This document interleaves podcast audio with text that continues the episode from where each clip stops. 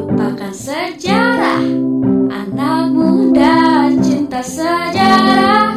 Mari simak tutur sejarah. Assalamualaikum warahmatullahi wabarakatuh. Halo sahabat edukasi, kita jumpa lagi dalam program Tutur Sejarah Indonesia.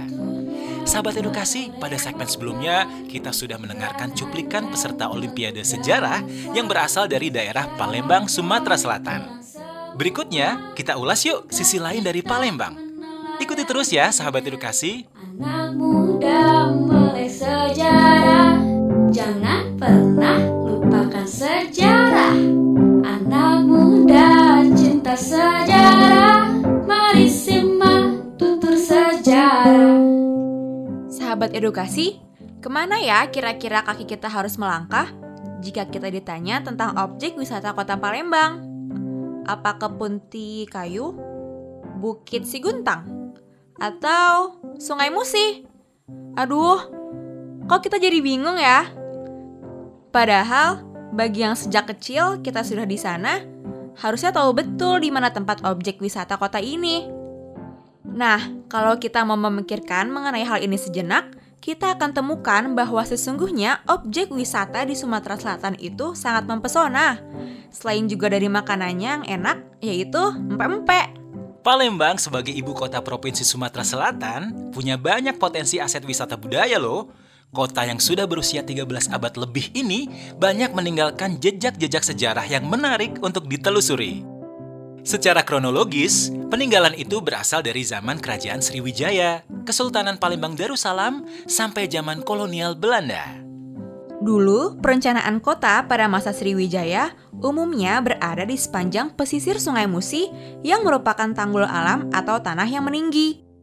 Hal ini menunjukkan bahwa Dapun Tahyang Srijaya Nasa, yakni pendiri kerajaan Sriwijaya pada abad ke-11, menempatkan lokasi pemukiman sesuai dengan kondisi geografis Palembang. Pada masa Kesultanan Palembang Darussalam, kegiatan kota terpusat di sepanjang tepi Sungai Musi.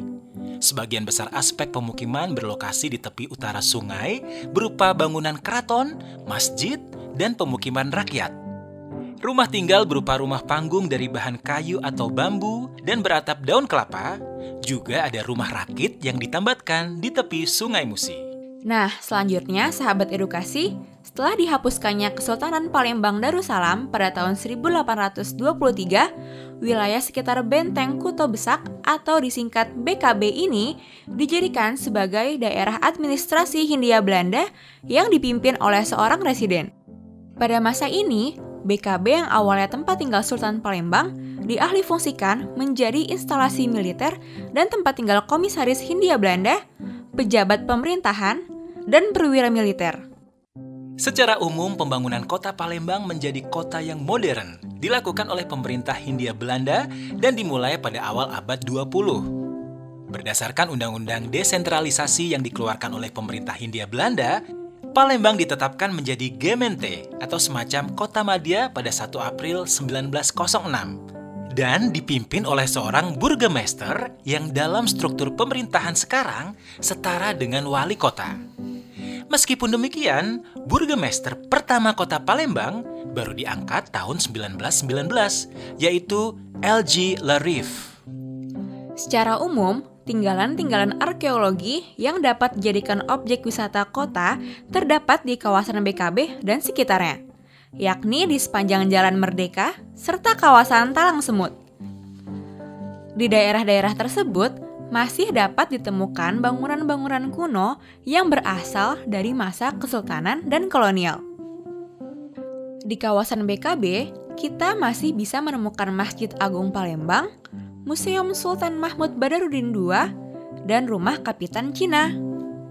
Kalau saja semua aspek potensial di Palembang ini diperhatikan dan dikelola lebih baik, kota Palembang akan memiliki objek wisata yang tidak kalah bagus dengan provinsi lainnya di Indonesia.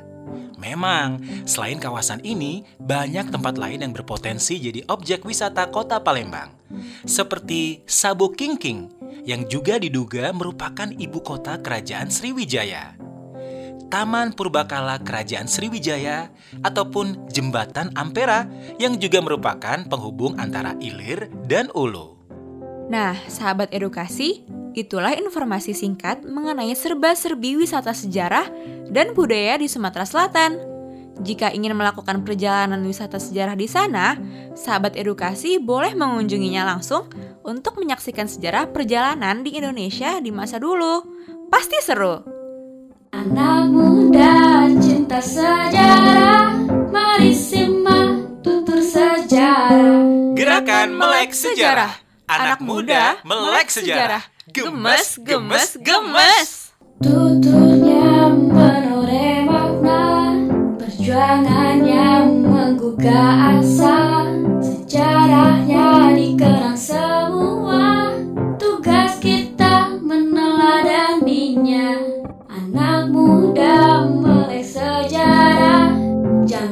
sejarah, jangan pernah lupakan sejarah.